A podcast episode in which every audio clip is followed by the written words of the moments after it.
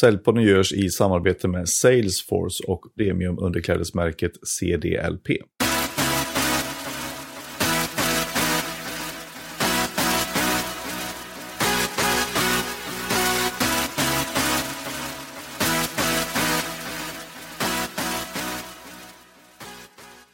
I dagens avsnitt har jag med mig Kristina Hagström Ilievska, kultur och marknadschef på bemanning och rekryteringsbolaget Jobzone. Och i tider av förändring så guidar hon såväl bolag, vd och styrelse i att skapa samsyn mellan försäljning och marknadsföringsavdelningar. Och om just hur sälj och marknad kan arbeta för att få fler affärer ska vi prata lite mer om, så välkommen till Säljpodden Kristina. Roligt att vara här. Ja, härligt att vi fick ihop det här till slut. Ja, verkligen. Eftersom eh, jag tänkte att skulle börja i den här änden där vi hördes av för första gången för ett par månader sedan. Då var ju inte du i Sverige utan du var ju Afrika då. Ja, närmare och, Kenya. Precis, och, och, eh, du har ju startat ett, eh, en välgörenhetsorganisation där som heter From One to Another. Vad var det som liksom fick dig till det om vi börjar i den änden?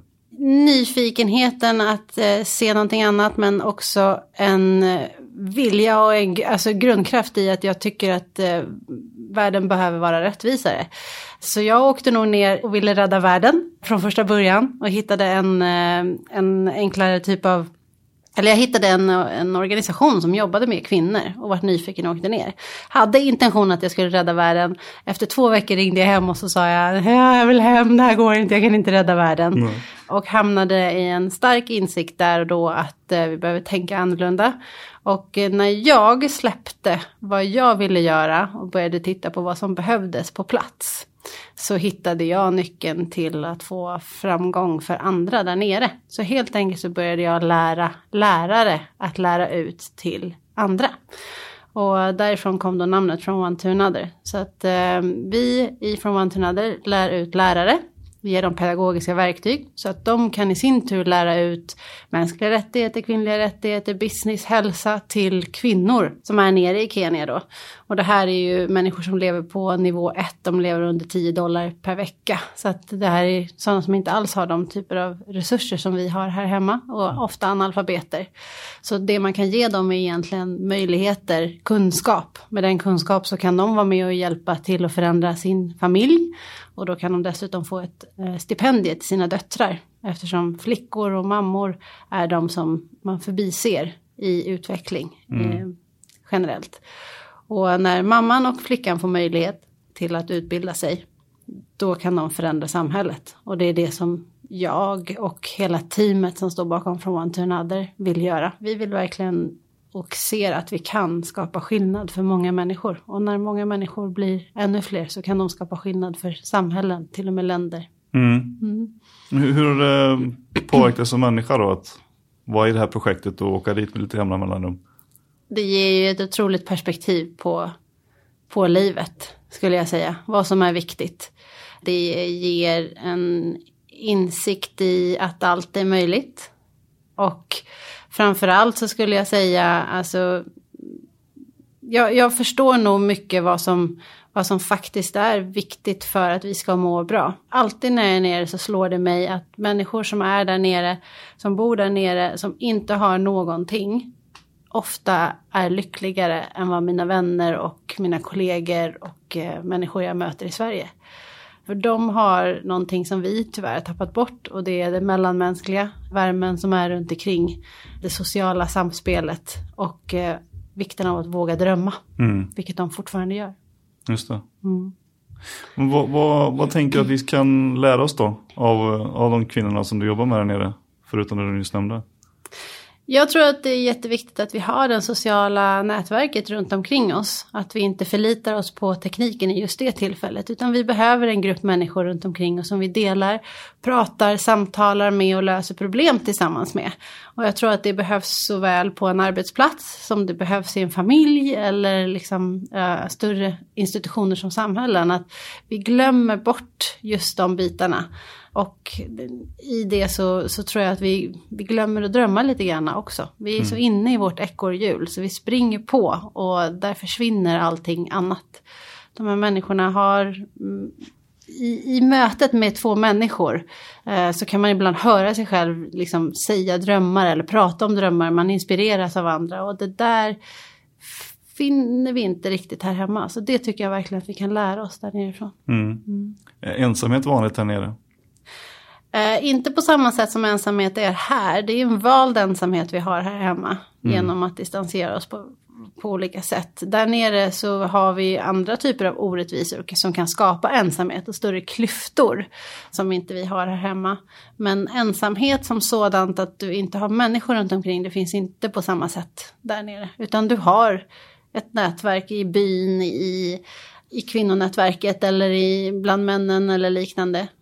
För att man, man sitter ner och pratar. Alltså jag hinner sitta ner och prata med dig. Jag hinner ta reda på vad det är. Jag ställer inte bara frågan hur mår du och springer vidare. Utan hur mår du? Hur är det? Har, vad har du gjort? Hur mår frun? Alltså det här samtalet gör ju att jag hittar minsta gemensamma nämnare med dig. Mm. Och det gör ju att du och jag skapar en relation. Det gör ju mig gladare. Mm. Och dig också.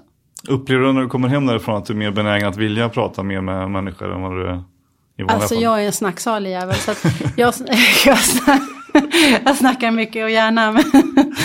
Men eh, eh varje gång jag kommer hem så upplever jag att jag tar mig mer tid. Att jag ser till att säkerställa att jag har liksom, det som är runt omkring mig. Ett, ett konkret exempel är att vi planerar inte en dag i veckan. På lördagar så har vi inga planer. Vi har ingenstans vi ska springa eller göra. Utan det finns möjligheten att hitta det spontana. Att, att hinna med fikan som man kanske inte hinner. Eller bara hänga med människor runt omkring och låta saker ta tid. Och den, den biten tar jag varje gång med mig hem. Mm. Mm. Och sen då att komma tillbaka därifrån till ett helt ny jobb, nytt jobb som kultur och marknadschef här på Jobzone. Ja, det var jättehärligt. Jag tror inte jag hört talas om något ställe tidigare där man har haft en, en, eh, en kulturchef. Nej. Varför tror du att det, det behövs? Nytt. Jag tror att eh, vi i mång, mångt och mycket så är det så här människor, vi pratar ofta om medarbetarundersökningar, vi pratar om kundundersökningar, vi pratar om nöjd kundindex. Men det vi glömmer är att i grund och botten för att en medarbetare ska bli nöjd och prestera bra för att en kund ska bli nöjd så behövs atmosfären vara bra mm. på platsen där du är. Eh, och kultur för mig handlar ju just om den här atmosfären som vi skapar, upplevelsen av ett bolag. Och om man glömmer att jobba med den biten och bara tänker att, alla, att man ska jobba med de andra bitarna, och det är som att man liksom inte byggt huset från grunden. Utan man börjar med att sätta taket på pinnar, men man har liksom inte lagt murstenarna som ska få liksom det här att, att funka. Det man ska luta sig tillbaka på, och känna sig trygg i, det finns inte på plats. Och det för mig är definitivt en, en roll som kulturchef. Att, att se att det vi säger, det vi pratar om, liksom blir till handling. Mm. Jag tar ofta det här exemplet, när man kommer in på ett bolag så finns det ofta tavlor på väggarna. Jättefina, så står värdeorden. Och sen så pratar du med någon på bolaget så vet de knappt vad det var för någonting. Och då, ursäkta uttrycket, men då blir det corporate bullshit. Mm. Då blir det liksom ingenting. Men en kulturchef ska se till att det där värdeordet vi skapar finns som en röd tråd genom allting. Det vill säga om vi här på Jobson har ett ord som heter värme. Hur skapar vi värme då? Alltså var, från det att du kommer in. Ja men vi har en upplevelseansvarig istället för en receptionist. Vad kan en upplevelseansvarig göra? Jag kan skapa en upplevelse för dig, en varm upplevelse, en leende upplevelse. Där, där och då startar processen. Hur får vi in värme i våra eh, offerter? Mm. Hur gör man det? Ja, hur gör man det? Ja, men då kan man till exempel inleda. Alltså hur, hur, ser man, hur ser man till att skapa visuellt att det är ett trevligt, en trevlig offert att titta på? Hur inleder jag den positivt och hur avslutar jag den positivt? Det finns små olika trick som kan göra att jag kan känna värme i den mest fyrkantiga sak. Mm. Och det här tror jag att det gäller att våga titta på. Jag tänker tillbaka på hur man själv har varit med på ett antal bolag då, och det är ju ganska dyra konsulter många gånger som är inne och ska jobba fram de här värdeorden som man har som då tenderar till att bli corporate bullshit om det är så att man inte jobbar med dem konstant dagligdags. Och att de eh, orden så att säga som finns på väggen när man tar upp det på nästa konferens, är det någon som kan säga våra fyra värdeord? Och så kan inte alla det. Mm. Vad tror du som krävs då för att det ska bli som en en hållbarhet i det och en förståelse för en företagskultur? Du ska inte ta fram vad du vill vara, du ska ta fram det du är, mm. dina styrkor. Eh, och du behöver göra det tillsammans med personalen. En konsult kan inte gå in utifrån och sätta det här. En konsult kan gå in och tillsammans med personalen sätta olika workshops där personalen får ta fram det här. Och en konsult kan sammanfatta och säga det här tycker din personal. Det här skulle vara Eh, aktiviteter framåt. Men det måste komma från kärnan. Det går inte att hitta på. Här på Jobson till exempel så har, de, har vi tagit fram värdeord och reflekterande, skapande och värme.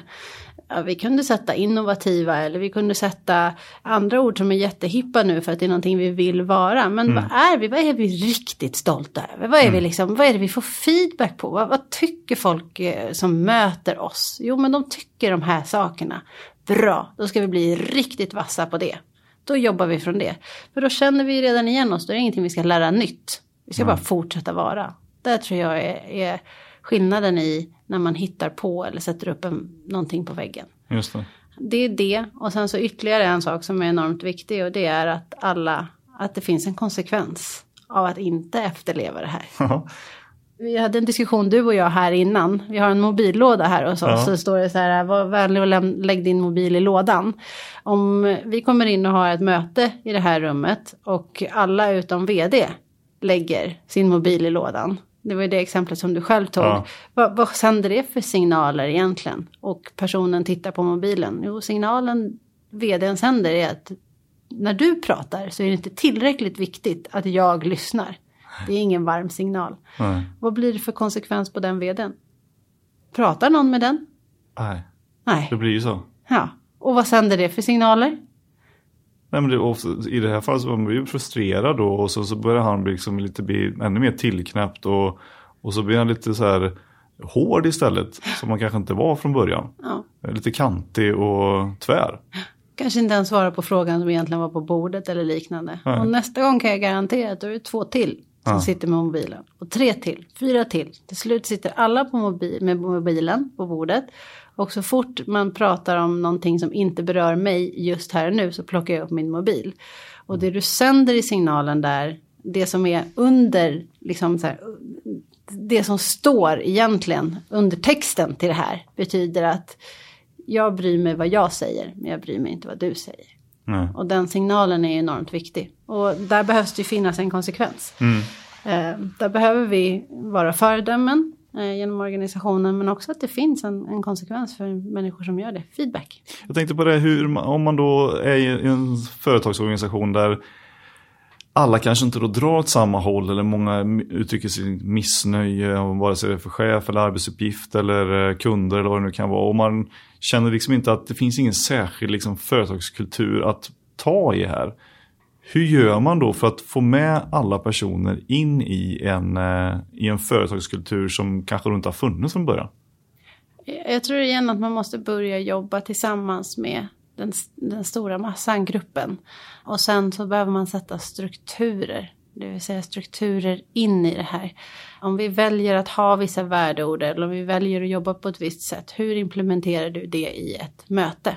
Mm. Ett, ett exempel som, som vi gör här, det är att vi har jag har alltid gjort och plockat med mig in hit nu också. Jag inleder varje möte med sunshine. Eller med good news, förlåt. Jag inleder mm. med good news. För att sätta stämningen i rummet. Vi börjar med något positivt. Sen kliver vi in i resultatet sen sist, aktiviteterna som ska göras, vad är det för stöd och kvalitet. Och så avslutar vi med sunshine. För att säga, ja Mattias, jag hade ett jättetrevligt möte med dig idag. Du är verkligen närvarande och kunna ge dig beröm och lyfta dig i det läget. Så där tror jag är att man behöver sätta det i en struktur. För att mm. lyckas med kultur och omvända en kultur och skapa en kultur. Börja i grunden Sätt regler för det, en struktur och var disciplinerad. Mm. Det, det är det som krävs för att man ska lyckas. Och jag är övertygad om att alla kan lyckas. Mm. Jag tror det. Om man gör det rätt från början. Om man gör det rätt från början. Och framförallt om man vill. Mm. För det här, jag tror inte att alla vill det. Jag, jag, det, det, kräver ju, det blir ju konsekvenser av det också. Mm. Så att det är ett jobb man måste sköta fullt ut. Och jag tror inte alla orkar och vill ta tag i det. Nej. Hur blir dina dagar som kulturchef här då? Jag bara går omkring och ler hela tiden. jag, är som en, jag är som en aerobic-instruktör. Nej, jag har ju faktiskt den fantastiska rollen som kultur och marknadschef. Så att se över kommunikationen internt och externt. Det vill säga hur vill vi upplevas internt och hur vill vi upplevas externt. Och där finns det väldigt mycket att ta tag i. Alltså processer, sätta de delarna. Komma överens om tillsammans med personalen. Vi driver ett kulturprojekt. Där det är eh, två från ledningsgruppen men sen så är det ytterligare sex stycken som är med från resten av personalen. För det här är någonting vi bygger med representanter, också framröstade från personalen vilka som ska vara med i det här. Så det är en del och sen är ju marknadsföring, kampanjer, vi sätter just nu kommunikationsspåret. Så att jag ska säga dynamiska varierande dagar. Jag får sitta här med dig bara, Ja. eller hur? Precis, Ja. inte, det är inte så dumt bara det. Men Mm. vilken, eh, nu har det inte varit så länge här, men vad, vad tänker du liksom är utmaningar på marknadssidan? För i en bransch som då är relativt konkurrensutsatt från många olika aktörer. Vad tror du liksom krävs för, eh, på marknadssidan i, både för er och för kanske många andra för att sticka ut och bli valda? Jag upplever att eh, nöjdheten hos kunderna behöver bli bättre. Och för att göra det så tror jag att man behöver jobba då med, med sin egen personal. Jag upplever utifrån, har kommit in i den här branschen, att branschen har inte ett jättegott rykte. Mm. utan det, man är van att få ett samtal från en rekryterare eller från en, från en säljare som vill sälja rekrytering. Och jag tror att branschen behöver generellt tänka annorlunda. De behöver tänka vad mer kan jag ge kunden för att det ska bli värdefullt.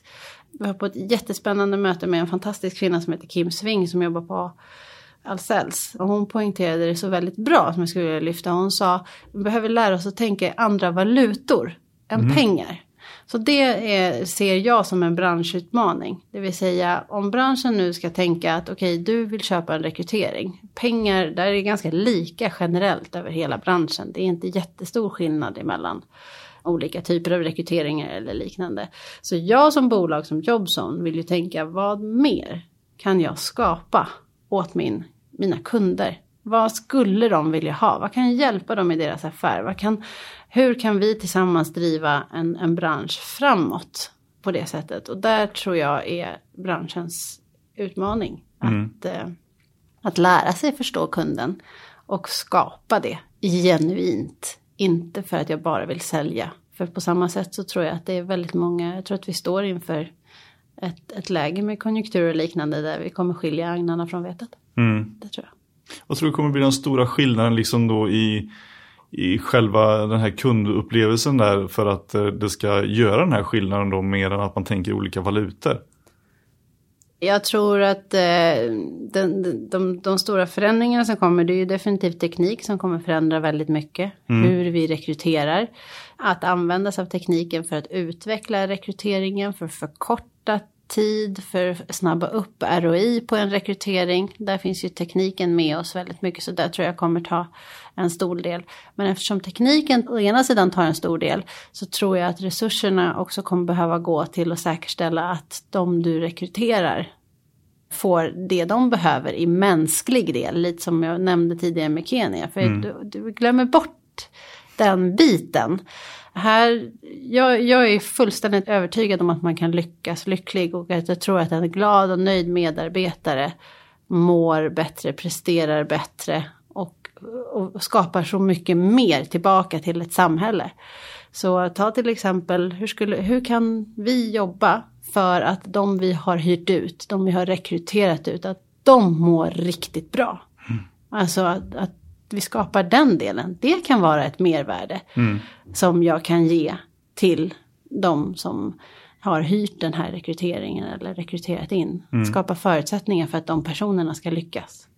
Inte bara lämna, nu har jag rekryterat färdigt så. Utan just att här startar ju liksom arbetet. Hur kan jag hjälpa dig? Vi har, vi, vi, är, vi har Stockholm Live som kund hos oss. Mm. Ehm, hur kan vi säkerställa att de 600 personer som vi har ute, att de mår bra på jobbet? Mm. Om jag kan göra det som rekryteringsbolag, då kan jag ge ett mervärde till Stockholm Live. För då har de nöjda, glada medarbetare som kommer vara mycket trevliga mot deras kunder. Och då kommer kunderna att uppleva Stockholm Live som någonting positivt. Och kanske i förlängningen också uh, inte ha så mycket sjukskrivningar eller frånvaro och sånt om man är lycklig på jobbet. Ja, absolut. Den delen, produktiv produktiviteten går upp och omsättningen likaså. Mm. Och så att säga personalomsättningen går ju ner, precis som du säger. Mm. Mm. Men eh, när vi pratade liksom innan det här samtalet så nämnde du att liksom en stor anledning till att det här drivet eh, som finns hos dig med förändring och vara med i de här processerna. Att det liksom alltid har funnits och att du alltid har sett dig i botten som en säljare. Mm. Kan du berätta lite om det? Jag hade mitt första säljjobb när jag sålde klockor i en klockbutik. Ja. Och jag minns att jag sålde en klocka till en person. Alltså, från början. Eh, det här måste jag nästan berätta, för ja, den, här, den här är så himla cool. Vi står i butiken och jag har jobbat som, som klockförsäljare under en period. Och eh, det kommer in två stycken herrar i butiken och de är klädda i snickarkläder. Och eh, den andra personen som jag jobbade med tittade lite på de här och så dömde ut dem och tänkte så här, de här kommer inte köpa någonting överhuvudtaget. Så mm. säger så här, du kan, du kan ta dem, säger de till mig. Jag går ut, tar emot de här killarna, tänker nog inte så mycket för jag, jag är uppväxt med väldigt tydligt att man har inte fördomar mot andra människor. Så nyfikenheten tog överhanden och så här, vad är du intresserad av, vad vill vill ha, vad är viktigt för dig? Eh, ställde massa olika frågor. Jag började på de billigaste klockorna liksom och sen så vandrade vi oss uppåt. Och när den här killen sa liksom att men jag vill ha och så pekade han på det där. Det var ju årets bästa försäljning för det var den dyraste klocka vi hade sålt där under mm. hela året. Och det, där, det var ju bara så här insikten i att gud, bara det här intresset, nyfikenheten och, och, och hjälpa den här personen genom det här och slutgiltingen då faktiskt var någonting som gynnade bolaget jag jobbade på men, men även gav mig den här känslan av att ja, vad kul, härligt. Det blev en försäljning, det där drivet, den där nyfikenheten, när de kombineras, det tycker jag är häftigt med sälj. Mm. Nyfikenhet och, och driv. Mm. Hur, hur, hur, vad är en bra säljare då, i dina ögon? Nyfiken, driven och lyhörd. Mm. Är nog så att säga. Det finns, det finns otroligt många olika delar. Det, du kan ju läsa i varenda säljbok och varenda säljpodd så finns det olika typer av teorier kring det här. Och jag tror också att det är väldigt olika utifrån vad det är för produkt eller liknande du ska sälja. Men jag tror just de här tre är viktiga. Och eh, jag är övertygad om att eh, är du en flexibel person, om du kan läsa den här lyhördheten, om du kan kliva in i ett rum och se vad som krävs i rummet, det finns ett ord som heter ambivert. Mm. Där man inte är extrovert och inte introvert utan du är ambivert. Och det ordet eh, det beskriver nog vad en bra säljare behöver vara. Mm. Skulle jag säga. Anpassningsbar mm. och efter situationerna. Ja. Om man tänker på en eh, modern säljare då. Det, det, har ju liksom som du nämnde här, säljböckerna har ju sin teori om liksom vad, hur en säljare och dess egenskaper ska vara. Samtidigt som det börjar svänga lite mer åt att och ambivert är ju en sak som, som då eh, moderna säljare behöver ha som egenskap i mångt och mycket. Men finns det andra saker som du tycker att en modern säljare behöver ha förutom nyfikenhet, driv och lyhördhet då? Eh, för att klara sig på branschen idag så tycker jag att man behöver vara tekniskt kunnig. Mm. För det är mycket tekniska lösningar som du behöver kunna hantera. Mm. Och jag tror att man behöver ha en, en grundnivå i att ha liksom vad du klarar av och sen så behöver du maximera det du redan har för att sen kunna liksom utveckla och driva framåt. Så eh, den här framåtandan, nyfikenheten i vad som komma skall tror jag är enormt viktig. För säljbranschen utvecklas väldigt fort just nu. Mm. Um, och nya, nya lösningar kommer in. Sen är jag övertygad om att det mellanmänskliga kommer inte alltid det, kommer inte förändras. Nej. Utan det är lösningarna vi använder oss av. Utan det här fortfarande så tror jag nyfikenheten, driven och lyhördheten. Mm. Det kommer spela roll även i en teknisk värld. Just det.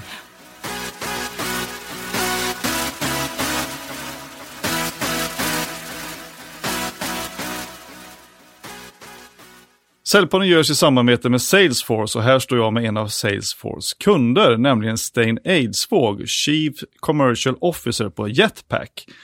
Och vad var det för problem som ni hade på Jetpack som ni behövde lösa?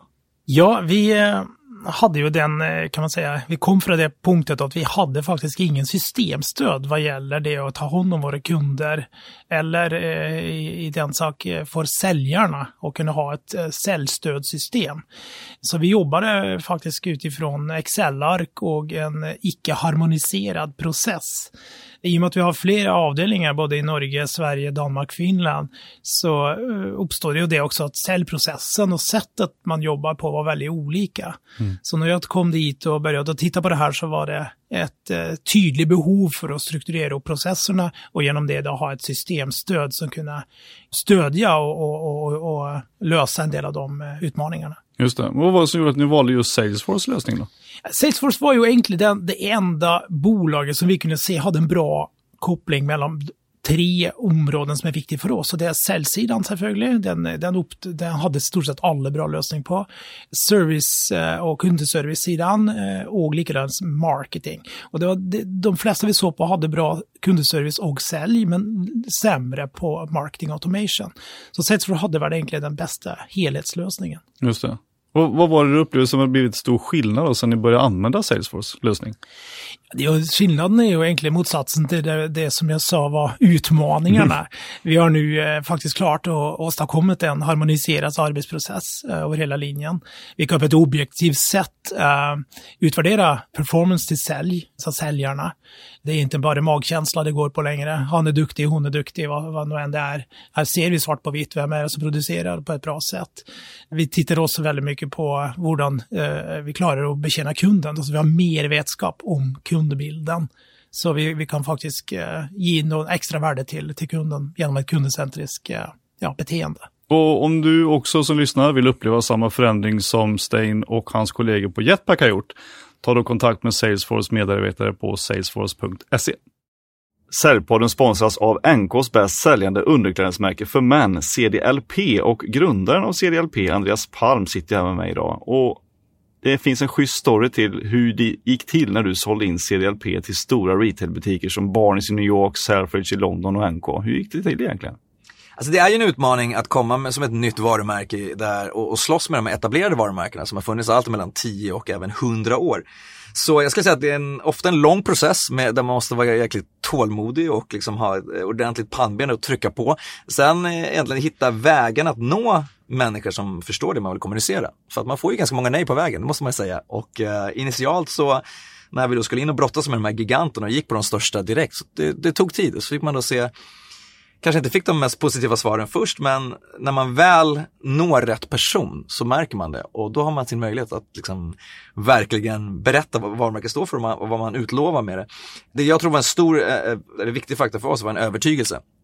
Och vi startade varumärket för att vi tyckte själva att vi behövde kalsonger. Vi behövde annat än vad som fanns i marknaden och jag tror att det känns, den övertygelsen när man tror så mycket på det man gör, den känns. Mm. Så steg ett är väl egentligen att så här, vem är det för vår del och så här, vem är det som, som, ska, som vi ska nå med det här budskapet? Och vi fick, tidigt märkte vi att underklädesinköparna funkade inte för oss. Utan vi var tvungna att komma högre. Så på de stora internationella varuhusen så finns det väldigt många lager av inköpare. Eh, du har liksom inköparen och sen har du den, den personens chef och så har du en department eh, och sen, men ju högre upp vi kom desto bättre funkade vårt budskap. Och vilka argument använde du då? Argumenten var egentligen att det behövs ett, lite grann som anledningen att vi startade, det behövs ett nytt underklädesmärke. Det mesta ser likadant ut, det mesta produceras i Kina, det mesta görs i bomull, den billigaste sorten och så slänger de på stora logotyper på det. Och det finns män idag som inte vill ha de här stora logotyperna, som inte vill betala extra för de här stora logotyperna och också som vill ha ett miljövänligt modernt alternativ. Och det är det vi skapar här från scratch. Så att, uh, vi producerar i Portugal, vi gör det i miljövänligt naturmaterial som heter lyocell och vi porträtterar manlighet på ett modernt sätt.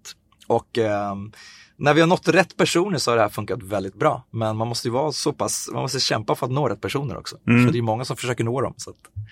Precis, och är det så att man vill då vara lite modern i sin eh, kalsonglåda och uppdatera den till sköna CDLP, hur gör man då? Då går man in på cdlp.com där vi har hela vårt sortiment. Vi har fyra stycken modeller plus långkalsonger.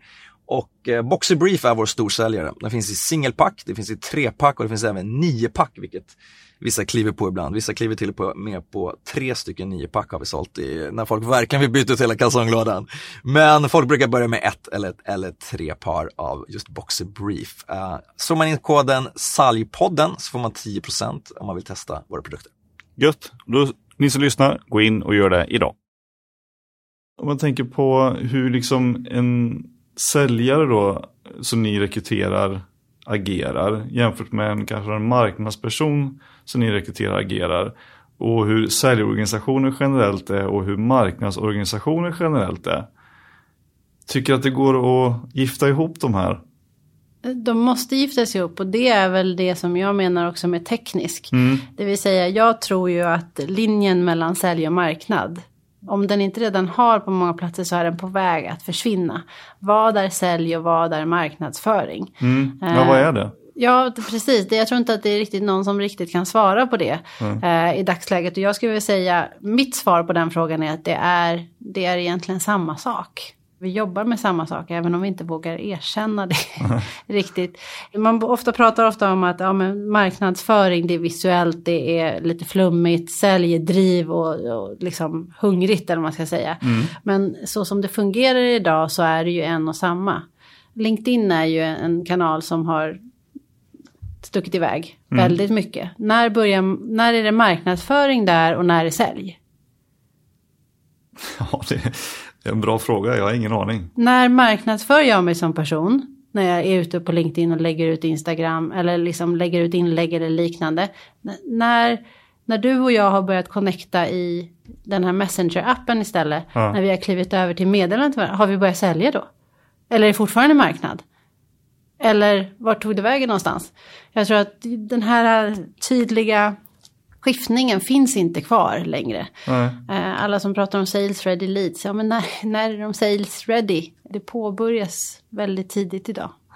Eh, ja. Man märker ju liksom att folk är eh, uppmärksamma på det och blir medvetna om att okej, okay, jag är marknadsförare eller okej, okay, jag är säljare. Eller upplever du själv att liksom Nej men det finns inga tydliga roller här. Vi jobbar lite med det här och lite med det här fast, och, och det jag tror att i, eh, generellt så finns det jättetydliga roller. Mm. Och jag tror att det är det som är problemet. Okay. För att jag tror att det handlar om att en marknadsförare tar och gör sitt arbete och lämnar över till andra sidan som ska göra sitt arbete på sälj. Jag tror precis det här är problematiken. Mm. Jag tror att man måste sammanföras. För det första så måste du som sälj och marknadsavdelning, eller liksom som ett bolag, ha gemensam mål och vision. Mm. Där är ju liksom grunden, vi ska tillsammans göra det här. Och sen så kommer vi ner på så att säga sälj och marknadsavdelning. Varför sitter inte sälj tillsammans med marknad? Varför, varför gör man inte en och samma? Om, om en säljare säger att vi behöver öka försäljningen. Då ska en marknadsförare säga vad vill du ha för någonting som vi ska skapa det med? Mm. Hur gör vi det? En säljare sitter ofta på enormt mycket kunskap kring kunderna. Men inte marknad. Hur ska mm. då marknad kunna producera ett material som hjälper säljaren? Det, det, funkar inte. De måste sitta i ett och samma rum. De måste prata med varandra. Det är från starten, från första upplevelsen och hela vägen som vi nu gör. Mm. Och det här är ju bland annat Gartner tydligt visat att vi har ju gått från tidigare 7,4, alltså i, för, i mer komplicerad försäljning så tog det tidigare 7,4 månader och det var 10 personer involverade mm. i den processen. I dagsläget så är det ett och ett halvt år. Vi har adderat 9,3 månader på själva den längden i säljcykeln. Och vi har 40 personer som är involverade mm. istället. Så, och, och den skift, det skiftet är ju ett enormt skifte. Om man tittar till hur det är. Och när vi dessutom lägger till att halva den tiden, de här 9,3 månaderna, det sker anonymt.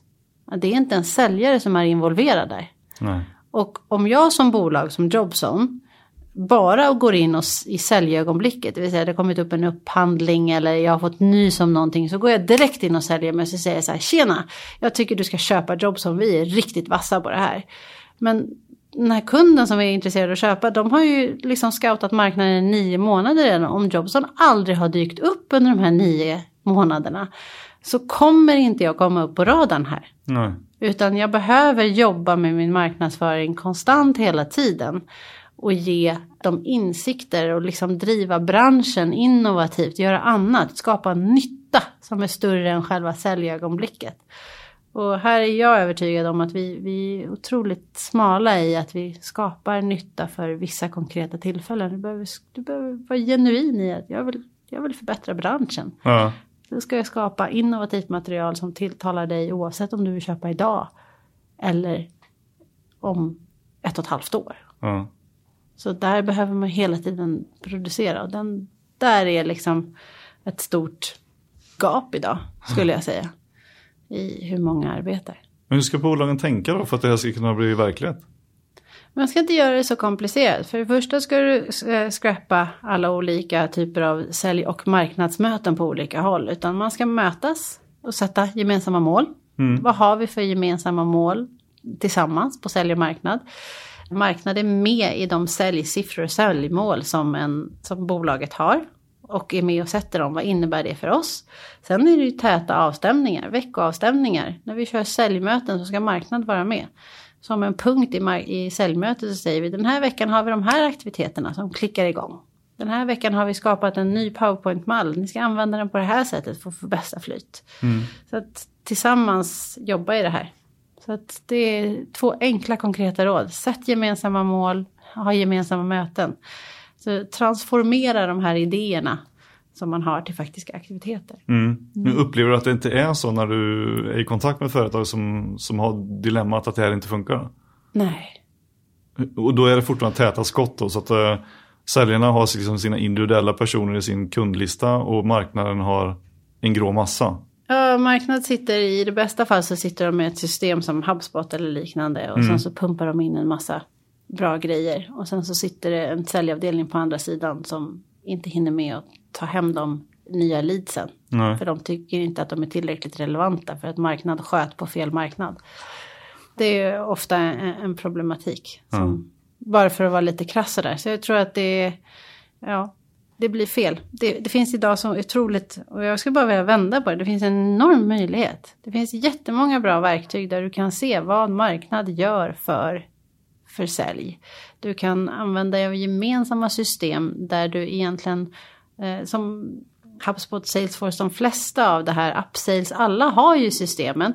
Men du behöver också sätta transformatorn i det här och det är alltså aktiviteten, vad cheferna, ledarna följer upp och hur man jobbar med det i den dagliga verksamheten. Jag vet inte hur många gånger jag sagt det, ett system löser ingenting. Om man inte jobbar aktivt, konkret med systemet. Nej. Så vad, det jag vill guida bolag till det är hur transformerar du idé till aktivitet? Och har de idéerna och aktiviteterna säkerställt att du gör rätt marknads och säljaktiviteter? Kultur ligger inne i samma låda. Vi pratar fortfarande den här fina tratten. Hur får du det här till actions? Ja. Jag upplever ju själv att det är många företag som, som såklart gärna vill sälja sina produkter och tjänster. Men som upplever att det är svårt. Och man är inte riktigt säker på hur man ska sälja i dagsläget. Och det kanske hör ihop lite grann med hur jag ska sälja och marknadsföra det på bästa sätt. V- vad tänker du att, eh, att det finns för råd att, att ge till dem?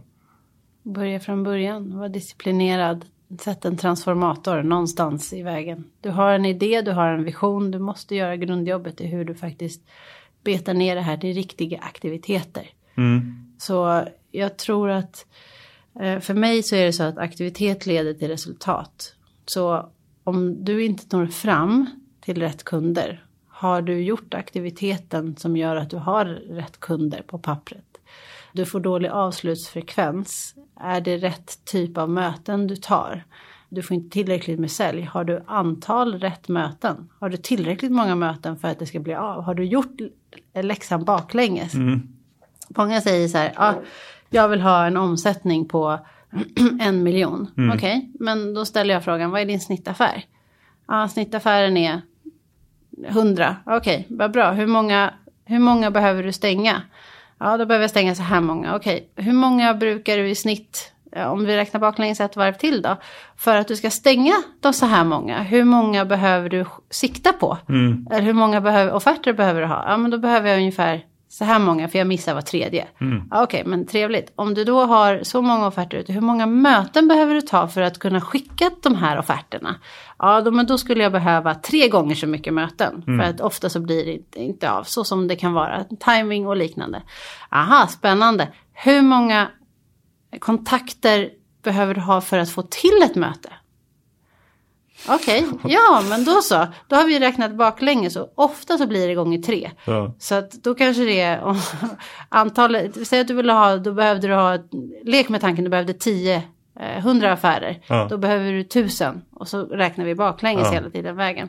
Och sen kan du ställa dig frågan, vad behöver marknad göra, skapa, för att vi ska få till 1000 kontakter? Ja. Vad behöver marknad göra för att sälj ska få möjligheten att köra x antal möten? Just det. Så den här transformatorn behöver man göra. Aktiviteterna. Att få ner det här stora fluffiga målet behöver ner till faktiska aktiviteter. Och om du vänder på kakan så säger du så här, du får en ny säljare ombord. Och istället för att säga så här, ni ska nå så här, så säger du så här, du behöver bara fokusera på att svara eller kontakta 10 personer i veckan. Du behöver ha två möten eller fem möten eller vad ni bestämmer i veckan. Du behöver ha ett möte om dagen. Eller två möten om dagen. Det är det du ska fokusera på. Se till att du kontaktar 40 personer per vecka och att du har två möten per dag. Då kommer du lyckas. Mm. För att då har du som chef och ledare räknat det här baklänges. Just det. Och då, då, du skapar ju utrymme för personen att jag gör i alla fall rätt aktiviteter. Mm. Och det skapar ju en väldigt stressfri vardag istället. Just det. Jag vet att jag gör, fortsätter jag bara göra rätt saker så kommer det gå Och åt då, rätt håll. då kan man hitta arbetsglädjen lite lättare kanske också. Ja men absolut. Då, alltså, du kan ha fått, du kanske ringde tio samtal och du fick tio nej, men du ringde tio samtal. Så du kan du vara nöjd med att du i alla fall ringde. Mm. Du gjorde det. Mycket lättare att styra och skapa mycket kring Mm. just de här bitarna. Så det, det är vad jag kallar för en transformator. Alltså hur transformerar du den stora visionen som du har ner till faktiska aktiviteter för sälj och marknad. Just det. Hela vägen. Mm. Och om man tänker liksom i rekrytering och bemanningsprocessen som ni då är inne i. Vad finns det för specifika grejer och exempel där som för sälj och marknad ska kunna lira på ett bra sätt ihop?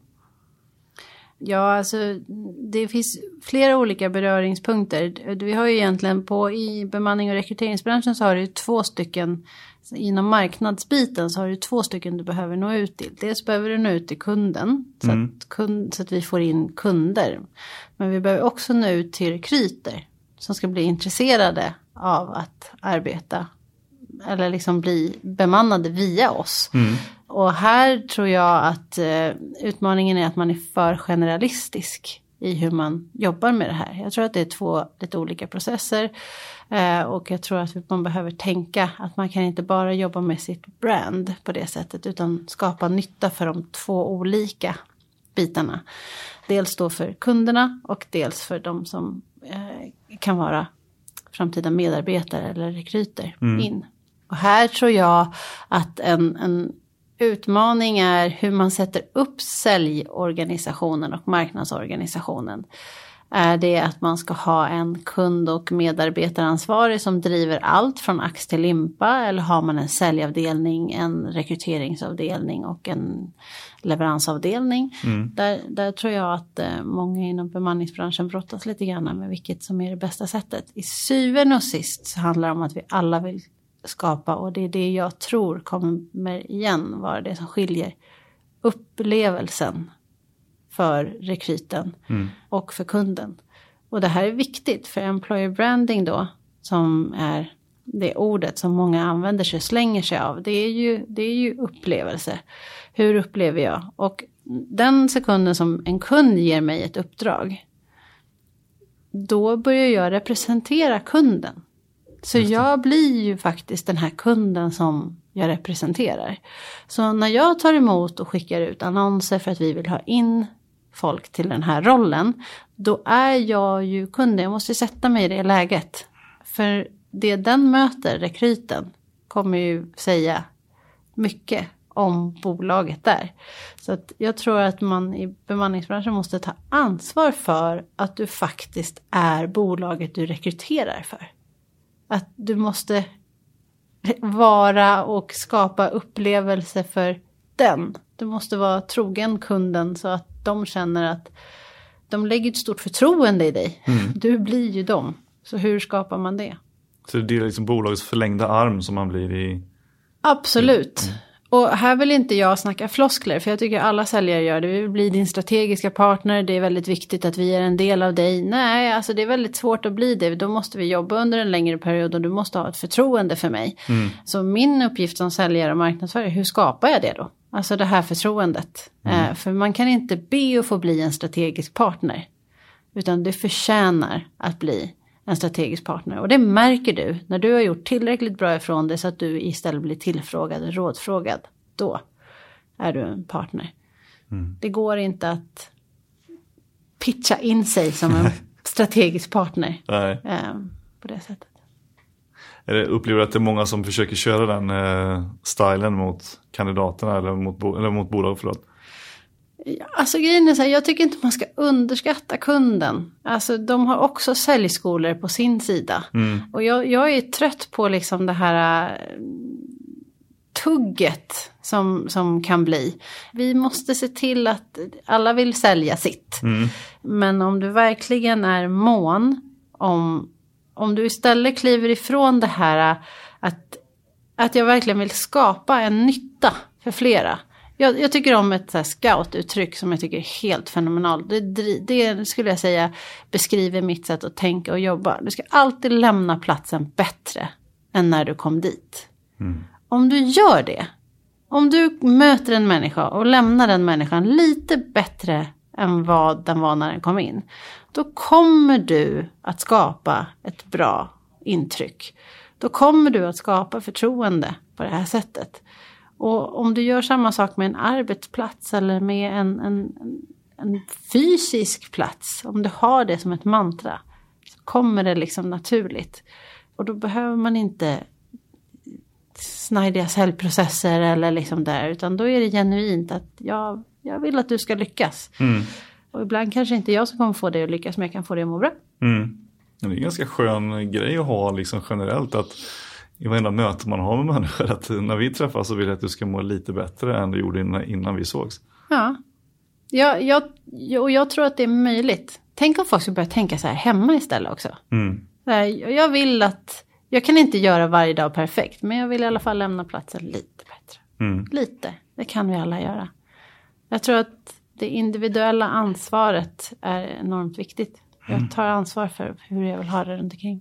Jag ska ta med mig den devisen hem faktiskt och fråga mina två grabbar hemma om inte de skulle kunna tänka sig att lämna platsen lite bättre än vad ser ut. Du kommer förvånas. Ja. Vi har börjat köra den hemma och nu helt plötsligt så plockar våran fyraåring bort eh, tallriken från bordet. Ja, ja du ser. Men jag har inga tonåringar. Nej. Men vi får testa. Och apropå det här med, med eh, roliga saker och, och testa då så fick jag ju testa på en eh, väldigt kul grej här innan den här intervjun. Jag är fortfarande lite svettig efter det där. och det är ju att bli intervjuad som att jag hade sökt ett jobb här för att se hur en rekryteringsprocess går till. Ja. Och då fick jag ju använda mig av, eller bli testad i en VR-värld. Jajamän. Och tror att det är liksom en, eh, en ny väg inom rekryteringsprocesser att man använder sig av, det var ju ett arbetsprov jag fick göra egentligen. Mm. Eh, Jag tror att den här är oundviklig. Alltså vi kommer att börja använda oss av den här tekniken. Jag, nämnde det tidigare, alltså teknik kommer att ta över våra arbetssätt på olika sätt. Och vi måste lära oss att leva med det. Och det kan bli fantastiskt mycket som är bra utav det. Och eh, det här är, skulle jag säga, det här är ett exempel på när man faktiskt plockar ner det som vi ofta har pratat om. Jag vet inte hur länge folk har pratat om digitalisering och digitaliseringsprocessen, men vi pratar om det som teorier. Det här är vad som händer när man faktiskt plockar in det på riktigt. Och det tycker jag är superhäftigt. Och en del i så att säga sälj och marknad som du nämnde, alltså integrationen, vad, vad är vad. Men det är ju att plocka ner virtual reality till en daglig del i ett arbete. För att vi ska skapa en rättvis, hållbar rekryteringsprocess. Som verkligen då i sin tur gynnar bolagen i sig. Så att säga, Kunderna som är våra. För de får ju en högre kvalitetssäkran på just det de köper av oss helt enkelt. Så det är ett väldigt bra exempel på hur man skapar det lilla extra. Just det. Finns det några så slutliga tips då till eh, kandidater som då ser sig om efter nya jobb? Eh, märker du saker att, men, tänk om de som söker jobb blir lite bättre på det här, då skulle det vara mycket lättare för oss som rekryterar. Jag skulle säga så här. För det första så stanna inte om du inte trivs. Mm. Åtminstone säg det att så här, jag skulle vilja eller ge företaget du är på en chans att göra saker och ting bättre. Om du har bestämt dig nu att du väljer att gå vidare, ta reda på vad du vill. För det är ofta det som vi möter, att man inte riktigt har koll på det. Och den matchningen kommer inte alltid riktigt... Det blir mycket lättare för oss att hjälpa den personen att få det rätta jobbet om de vet vad de vill. Och var inte rädd att säga det i ett rekryteringssammanhang. Nej. Inte säga bara vad som ni, de tror att ni vill höra utan faktiskt säga vad man vill. Ja, för då är det ju så mycket lättare att säga där passar du, kommer vi kunna skapa en bra plats för rätt person. Mm. Jag, jag tror arbetsglädjen där kommer vara enormt viktig. Tycker att man ska lägga in sig på alla möjliga databaser och, och sånt hos alla möjliga företag eller tycker man ska välja ut några? Bra fråga. Jag har själv aldrig lagt in mig på någon databas överhuvudtaget. Utan jag har jobbat med mitt eget brand skulle jag säga. Och sökt det som jag har varit intresserad av. Mm. Så, mm. Om, då, om man tänker det i förlängningen till de kandidaterna som ni har, hur kan de jobba med sitt brand för att vara liksom mer attraktiva så att säga? Då? Vi lever i en teknisk värld, jag kan se allting om dig. Alltså, det, det är bara att söka på ditt namn så kommer det mesta upp och det är väldigt lätt att få reda på vad du är för en person väldigt snabbt. Mm. Eh, så jag tror att man måste bara alltså förstå att tekniken är både med dig och mot dig. Så din kanal utåt är ju allt det du visar. Och eh, det, det, det finns ut. Så tänk på att du är, du är ju ett brand. Du är ju dig själv. Och för att lyckas så tror jag att det är viktigt att vara den du verkligen är. Alltså att vara sann med sig själv i det läget. Att inte, inte spela upp en bild av någonting utan visa det som, som är du. Var genuin. För att när du blir i en stressad situation och, och är långt ifrån ditt eget du så kommer fel sidor komma fram. Du, eh, ni har ju en helt ny tjänst också att erbjuda som faktiskt inbegriper VR. Jajamän. Och jag tänkte att vi skulle låta en tidigare gäst i Cellpodden som har ett av de mest lyssnade avsnitten eh, ever. Era nya vd för jobb som Mattias Härenstam att eh, berätta lite om det. Absolut, det tycker jag vi ska göra. Det här är... Ja, det tycker jag vi ska göra. Vi ta in honom då? Ja, vi tar in honom. Jag hämtar honom. Ingen kan se in i framtiden förutom vi. Därför startar vi upp VR-rekrytering för pionjärer. Och jag har ju själv varit säljchef i många år. Och en utmaning har ju alltid kommit till rekryteringen och säljare att träffa rätt.